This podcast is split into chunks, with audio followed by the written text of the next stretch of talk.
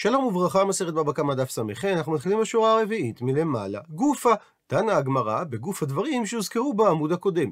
שאמר רב ביחס לבהמה שאדם גנב ונשתנה השווי שלה, שאת תשלום הקרן הוא משלם כאין שגנב, דהיינו כפי שווי הבהמה בשעת הגניבה, אבל את תשלומי הכפל ותשלומי ארבעה וחמישה, הוא לא משלם כפי שהיא הייתה שווה בשעת הגניבה, אלא כפי שהיא הייתה שווה כשעת העמדה בדין.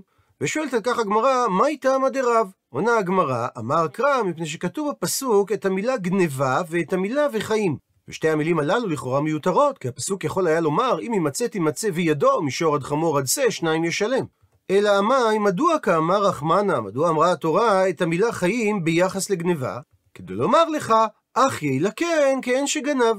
והסביר רש"י בעמוד הקודם, שאם אדם גנב בהמה והוכחשה או הוזלה, אז הוא משלם כשעת הגניבה, מפני שכתוב חיים ביחס לגניבה, ולומדים, החייהו לקרן של הגניבה שישלם. שהמילה גניבה מתייחסת דווקא לקרן, וביחס אליה אמרה התורה את המילה חיים, דהיינו החיה אותה, תעמיד אותה על ערכה השלם, כפי שהיא הייתה בשעת הגניבה. ואמר על כך רב ששת, אמינא נראה לי לומר שכי נעים ושכיב רב אמר להשמעתה. לא יכול להיות שרב אמר את הדברים כאשר הוא היה בערנות מלאה, הוא כנראה היה באותו זמן מתנמנם. דתניא, שזה הרי עומד בסתירה לדברי הברייתא הבאה. אדם שגנב בהמה כחושה והיא שמינה, זאת אומרת שהגנב פיתם במו ידיו את הבהמה, הדין שמשלם הגנב תשלומי כפל ותשלומי ארבעה וחמישה במידה והוא טבח או מכר את הבהמה, כאין שגנב. ואם כך, קשה על דברי רב שאמר שתשלומי ארבעה וחמישה משלמים כשעת העמדה בדין. ובשלב הזה הגמרא מבינה שלא מצאנו הבחנה אם הגנב השביח או הכחיש את הבהמה אפילו בידיו. אמרי אמרו על כך את התשובה הבאה, שבמקרה המתואר בברייתא גם רב מודה שהגנב משלם כאין שווי הבהמה בשעת הגניבה, משום דאמר להגנב לנגנב, אנא פתימנה את הבהמה ואת שקלת, ואתה תיטול את השבח שאני עשיתי? אבל באמת במקרה שהיא שבחה בדמים על ידי שהוכרו הבהמות בשוק, או שנתפטמה הבהמה מאליה, במקרה כזה אומר רב שמשלם הגנב את הכפל או את דמי ארבעה וחמישה כפי השווי העכשווי בשעת העמדה בדין. וממשיכה הגמרא תשמע, בו שמע הוכחה כנגד דברי רב מהברייתא הבאה. בהמה שבשעת הגניבה הייתה שמנה, והכחישה הגנב בידיים או על ידי טורח מלאכה שהטיל על הבהמה, או שהרביץ לה במקל, הדין שמשלם הגנב תשלומי כפל ותשלומי ארבעה וחמישה, כאין שווי הבהמה בשעה שהוא גנב אותה. וזה עומד לכאורה בסתירה לדברי רב, שאמר שאת תשלומי הכפל ותשלומי ארבעה וחמישה משלם הגנב כשעת העמדה בדין. מתרצת הגמרא התמנמי, גם שם, במקרה עליו דיברה הברייתא, מודה רב, שהתשלום הוא כאין השווי בשעת הגניבה, משום דאמרינן לי, שאומרים הבעלים לגנב, מה לקטע לכולה, מה לקטע לפלגה. מה זה משנה אם הרגת את כל הבהמה, אם הרגת רק את חצייה, על ידי שהכחשת את הבהמה? בשני המקרים זה נחשב להתחלת תהליך הטביחה, וממילא התשלום הוא כפי שווי הבהמה לפני שהיא הוכחשה, שזה כאין שהיא הייתה בשעת הגניבה. מה שאין כן, כי כאמר רב, שתשלומי כפל ותשלומי ארבעה וחמישה זה כשעת השווי בשעת העמדה בדין, זה מדבר ביוקרא וזולה דקאמר. במקרה שערך הבהמה השתנה לא כתוצאה ממעשיו של הגנב, אלא כאשר התייקרה או הוזלה הבהמה מאליה, כפי שאמר רש"י, שהוכרו הבהמות בשוק, או שנתפטמה מאליה. ושואלת על כך הגמרא, איך היא דמי? באיזה מציאות אמר רב את דבריו? אילם, האם תאמר, דמעיקרא הייתה שוויה הבהמה זוזה, ולבסוף שוויה הבהמה ארבע זוזי? האם ייתכן שבמקרה כזה אמר רב שמשלם הגנב את תשלומי הקרן, כאין שווי הבהמה בשעה שגנב אותה? למשל במקרה שהוא הודה בגניבה, ולכן הוא לא משלם את הקנס שזה הכפל? אבל אם כך, לימה, האם נאמר שפליגה דרב אדרבא? שרב חלק על מה שרבא אמר, דאמר רבא, היי מאן דגזל חביתא דחמרא מחברי. מי שגזל מחברו חבית של יין, כאשר מעיקרא הייתה שוויה החבית זוזה, ולבסוף הייתה שוויה החבית ארבעה זוזי. במידה והגזלן תברה, שבר את החבית, או שתיי שתה אותה, הדין שהוא משלם ארבעה זוזים. אבל זה דווקא כאשר הוא שבר בידיים את החבית, או שתה אותה, שהוא משלם את הארבעה זוזים. אבל במקרה שהיא כבר ממילא, שנשברה החבית מאליה, הדין שמשלם הגזלן זוזה. ומפרשת הגמרא במסכת בבא מציע את טעם הדבר, שכל כמה שהחבית נמצאת בעינה, ברשות האדון הראשון היא נמצאת, שהרי הגזלן יכול להחזיר אותה כמו שהיא. ולכן, במידה והתייקרה החבית, היא התייקרה ברשות הבעלים הראשונים שלה. אז באותה שעה ששבר אותה הגזלן או שתה אותה, הוא גזל אותה לפי ערכה המעודכן. מה שאין כן, בשעה שהיא נשברה מאליה, אין סיבה שנחייב את הגזלן, אלא כאותה שעה שהוא גזל אותה, ובאותה שעה היא הייתה שווה רק זוז אחד. ובהקבלה למקרה שלנו, טביחה ומכירה של בהמה נחשב כשבירה או שתייה של החבית בידיים. כך שעל פי דברי רבא, צריך לשלם את תשלום הקרן, את השווי הבסיסי של הבהמה, כשעת העמדה בדין, ולא כן שווי הבהמה בשעת הגניבה. אמרי אמרו על כך את התשובה הבאה, שאכן קיקה אמר רב, שהגנב צריך לשלם את תשלום הקרן כשווי הבהמה בשעת הגניבה, זה כגון דמעיקריה הייתה שוויה הבהמה ארבע זוזי, ולבסוף שוויה הבהמה זוזה אחד.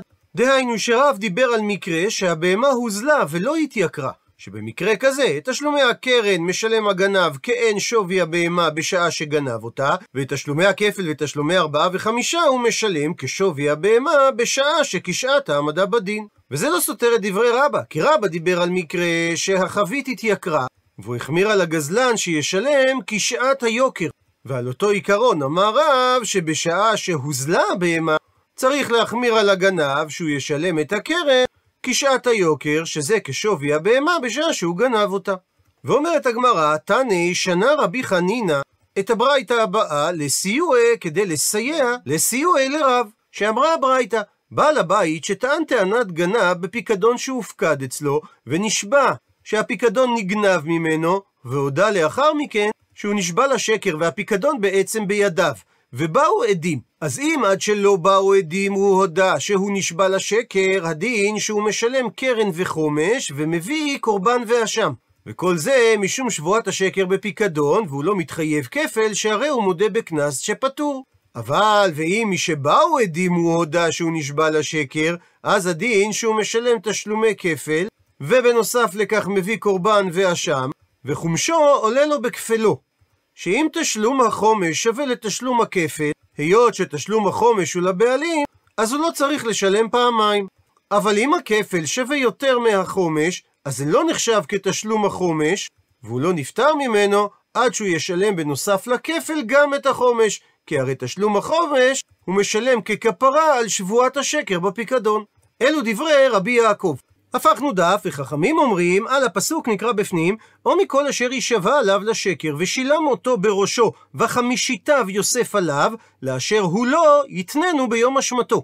ולמדו חכמים מהסמיכות בין המילה בראשו לבין המילה וחמישיתיו, שרק על ממון המשתלם בראש, דהיינו, כאשר הוא אינו משלם אלא קרן בלבד, שביחס לזה אמר הכתוב והשיב את אשמו, שזה תשלום הקרן שהוא אשם וחוטא עליו, רק במקרה כזה הוא מוסיף תשלום חומש, ובפסוק העוקב כתוב שהוא גם צריך להביא קורבן אשם.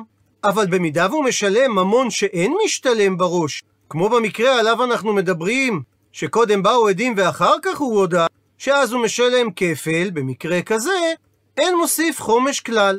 כאשר לפי חכמים, זה לא משנה אם תשלום החומש והכפל שונים זה מזה, במקרה שהוא לא משלם כרם בלבד, הוא פטור מלשלם את החומש. דעה שלישית, רבי שמעון בן יוחאי אומר, שאין תשלום חומש וגם קורבן אשם משתלם במקום שיש תשלום כפל.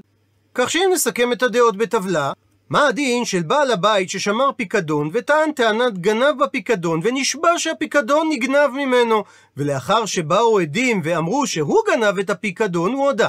לפי רבי יעקב הוא משלם תשלומי כפל, מביא קורבן אשם והוא משלם חומש רק במידה ותשלום הכפל לא שווה לתשלום החומש. חכמים לעומת זאת סוברים שהוא מוסיף תשלום של חומש רק במידה והוא שילם קרן, אבל אם הוא שילם קנס מכל סוג שהוא, הוא לא משלם חומש.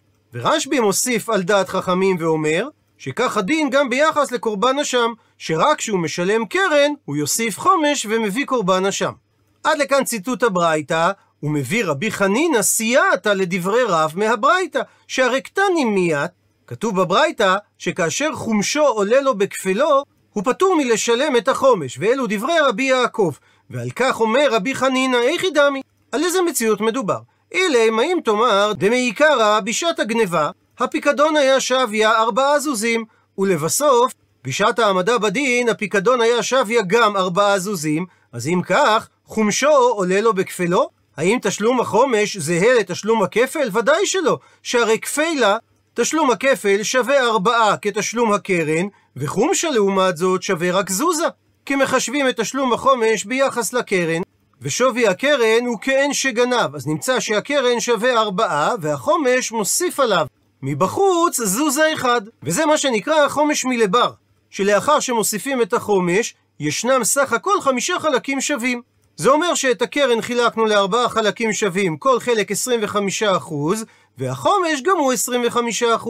וכיוון שהכפל והחומש לא שווים זה לזה, אז לא ייתכן שעל ידי תשלום הכפל, הוא ייפטר מתשלום החומש. אלא לאו בהכרח צריך לומר דמעיקריה שוויה הפיקדון ארבעה זוזים, ולבסוף בשעת העמדה בדין שוויה הפיקדון זוזה אחד, שבמקרה כזה דקפילה, הכפל שווה זוז אחד, שהרי את חישוב הכפל עושים כשעת העמדה בדין, וחום שגם הוא שווה זוזה אחד, כי את החומש מחשבים ביחס לקרן ששווה ארבעה, עלמא, זאת אומרת שלפי רבי יעקב בברייתא, הקרן היא כאין שגנב, דהיינו כשעת הגניבה, ותשלומי כפל ותשלומי ארבעה וחמישה הם כשעת העמדה בדין. וזה תואם לשיטת רב. דוחה את ההוכחה אמר רבא, לעולם ניתן להסביר. דמעיקריה שוויה הפיקדון ארבעה זוזים, ואשתנמי, וגם עכשיו בשעת העמדה לדין, שוויה הפיקדון ארבעה זוזים. ודקה קשיא, ומה שהקשית על כך, אז אם כן, הכפילה זה ארבעה זוזים וחומשי זוזה, ואיך ניתן לצייר מציאות שהחומש שווה לכפל? הכא במאי עסקינן, כאן באיזה מציאות מדובר? כגון שנשבע בעל הבית שהיה שומר הפיקדון, וחזר ונשבע, וכך ארבע פעמים. והודה לאחר מכן שהוא נשבע לשקר, והתורה אמרה, וחמישיתיו יוסף עליו בלשון רבים, דהיינו שהתורה ריבתה שבמקרה מעין זה הוא ישלם חמישיות הרבה בקרן אחת. ועל זה אמר רבי יעקב, שכאשר תשלום החומש, ששווה ארבעה זוזים, שווה לתשלום הכפל שגם הוא ארבעה זוזים, אז מספיק שהוא ישלם את הכפל, וזה נקרא שהוא שילם גם את החומש. ומביאה הגמרא ציטוט מהברייתא. אמר מר, וחכמים אומרים, בראשו וחמישיתיו, שממון המשתלם בראש מוסיף חומש, אבל ממון שאין משתלם בראש, אין מוסיף חומש. סוף ציטוט, הוא מדייק את הגמרא, אבל קורבן אשם, מה איתי? הוא כן מביא לפי חכמים, גם במקרה בו הוא משלם קנס. ושואלת הגמרא, מה ישנה תשלום חומש דלא משלם, מפני דכתיב בראשו וחמישיתיו, שרק כאשר הוא משלם ממון המשתלם בראש שזה קרן, אז הוא מוסיף חומש. אז אם כך, קורבן אשם נמי, גם יהיה הדין שלא משלם, במידה והוא משלם קנס. דהכתיב, נקרא בפנים, או מכל אשר יישבע עליו לשקר, ושילם אותו בראשו, וחמישיתיו יוסף עליו, לאשר הוא לא יתננו ביום אשמתו. וממשיכה התורה ואומרת, ואת אשמו יביא לאדוני, אי תמי מן הצאן בערכך להשם אל הכהן. אז לכאורה, דין הבאת קורבן האשם צריך להיות זהה לדין תשלום החומש. אמרי לך, יענו לך על כך רבנן, שהמילה עת לפני המילה אשמו, פסקי יקרא. הפסוק הפסיק וחילק באמצעותה בין דין הבאת החומש לבין דין הבאת האשם. ורבי שמעון בן יוחאי לעומת זאת, סובר שדין תשלום החומש זהה לדין הבאת קורבן האשם, מפני שעל ידי ו' החיבור במילה ועת, אר ויקרא. ערבה וחיברה התורה את שני הפסוקים. ורבנן לעומת זאת אמרי לך, לא לכתוב רחמנה, לא ו' החיבור, ולא את המילה עת. ואז הפסוקים היו מעורבים זה בזה ממילא. ומזה שהתורה בכל זאת כתבה את המילה עת, זה אומר שהיא באה לחלק בין שני הדינים.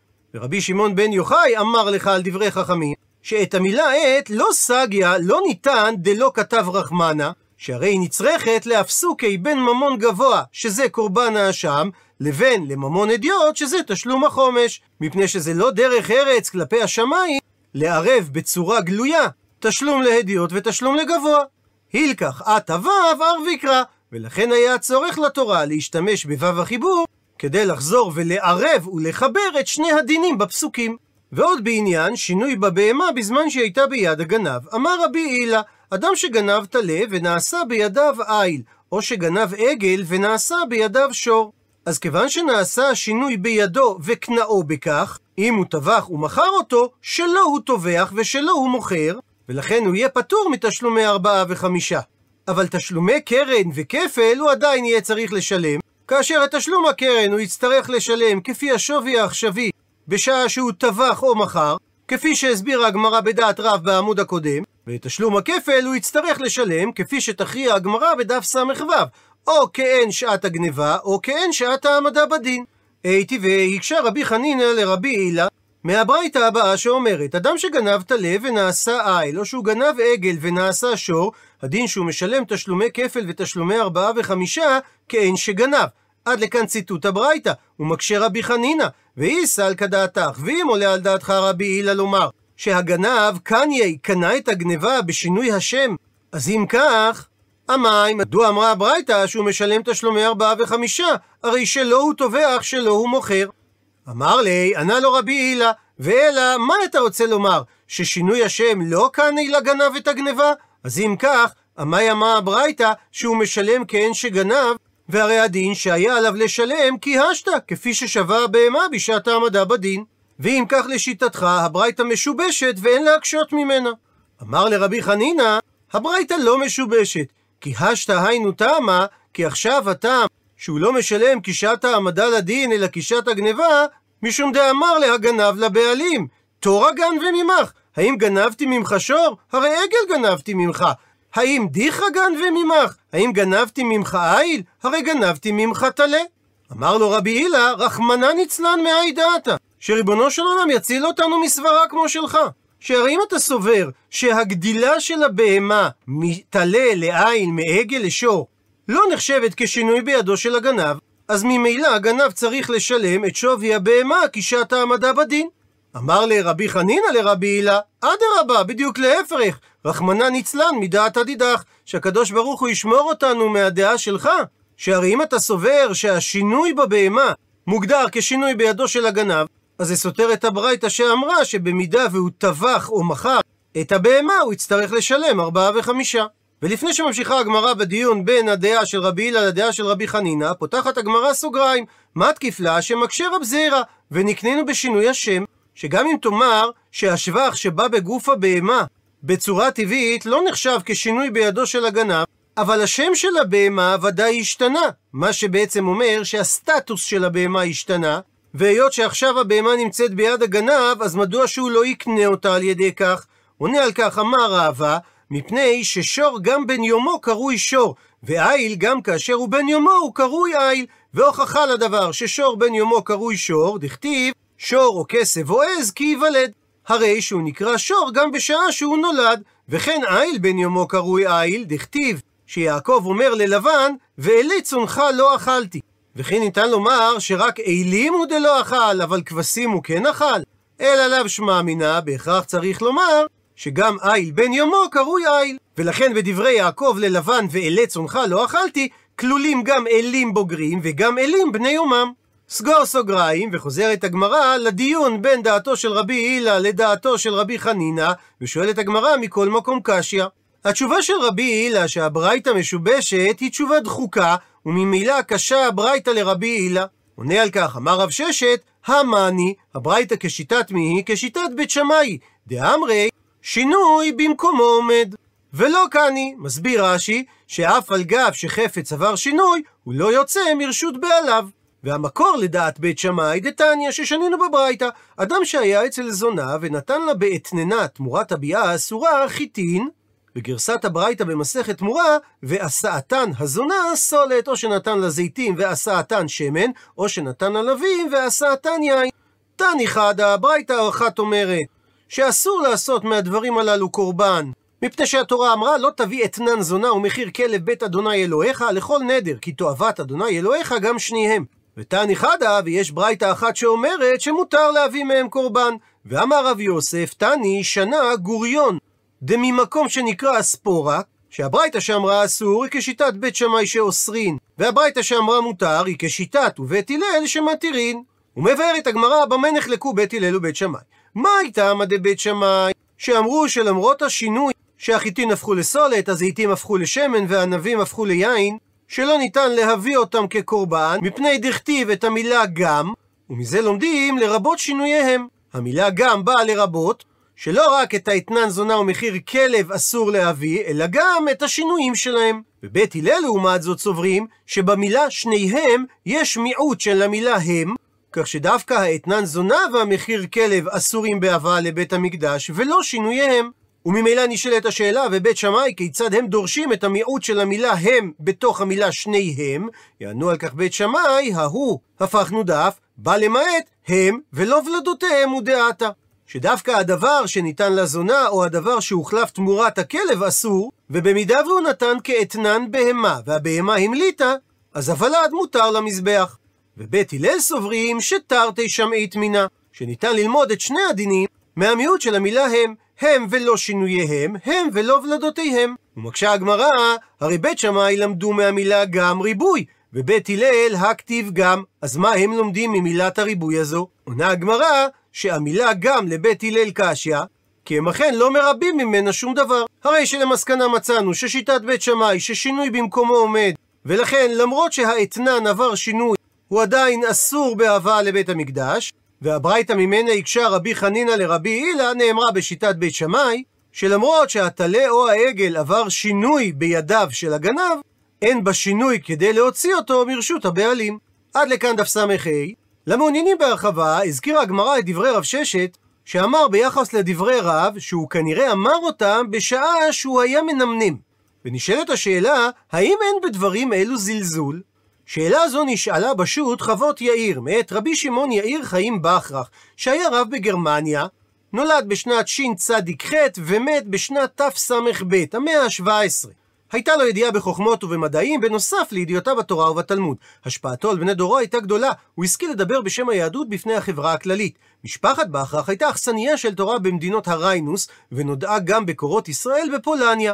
בדרכי לימודו בתלמוד הוא נטע מן המוסכם, והוא כבש לעצמו דרך חדשה, ולא נגרר אחרי בעלי ההוראה שקדמו. הוא היה בעל עיון ישר ומעמיק בחקר ההלכה. שנא את הפלפול והתנגד לעוסקים בו. הוא אהב מתמטיקה וגיאומטריה ועסק בהם הרבה, קנה ידיעה רבה גם באסטרונומיה. כתב שירים בלשון הקודש, והיה בעל קול נעים ויודע נגן. בזכות ידיעותיו הרבות נתפרסם בין הרבנים ולומדי התורה, ומכל העולם שלחו אליו שאלות בכל מקצועות ההלכה.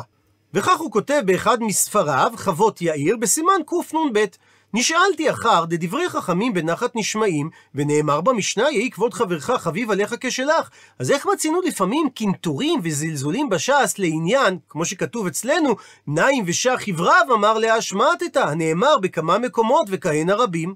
וכך הוא עונה, יפה שאלת, כי ודאי אף על פי שנקראו תלמידי חכמים שבבבל חובלים במסכת בבא בתרא, זה לא מצד ריקודים וצעקות גדולות ומרות והתקעת כף אל כף כאילו הם נלחמים זה מול זה. או מצד הקנטורים וזלזולים חלילה, כי לא על סגנון זה נאמר כי ידברו את אויבים בשער, שאב ובנו, רב ותלמידו, נעשו אויבים, רק מצד שהם מתנגדים בסברותיהם ובראויותיהם.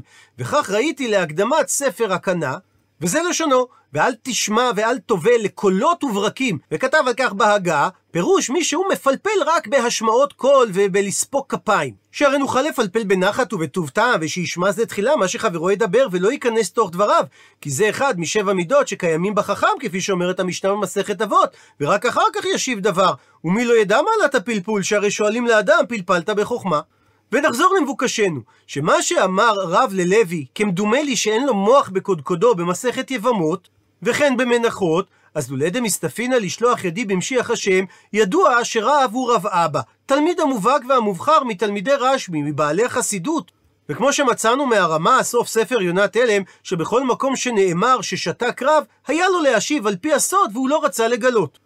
מה שאומר שרב איש אלוהים קודש קודשים היה. לכן יגורתי לומר עליו כי באמת שלא כהוגן דיבר, ולכן הוא קיבל את גמולו, שרב ששת אמר עליו בכמה מקומות, שהוא אמר דברים כאשר הוא כנראה נמנם. אלא מה שרב ששת אמר את הדברים זה אינו לגנאי, רק שבח גדול ומופלג, שלפי מעלתו ומדרגתו של רבי, אי אפשר לומר עליו שטעה בטעות כזה, אם לא שאמרו, כאשר הוא היה מנמנם לו בהכרה מלאה. בסוגריים נאמר שמהגרסה שלפנינו, רבי אמר את הדברים ללוי ולא רב, אבל העיקרון שאומר הרב בכרך ברור.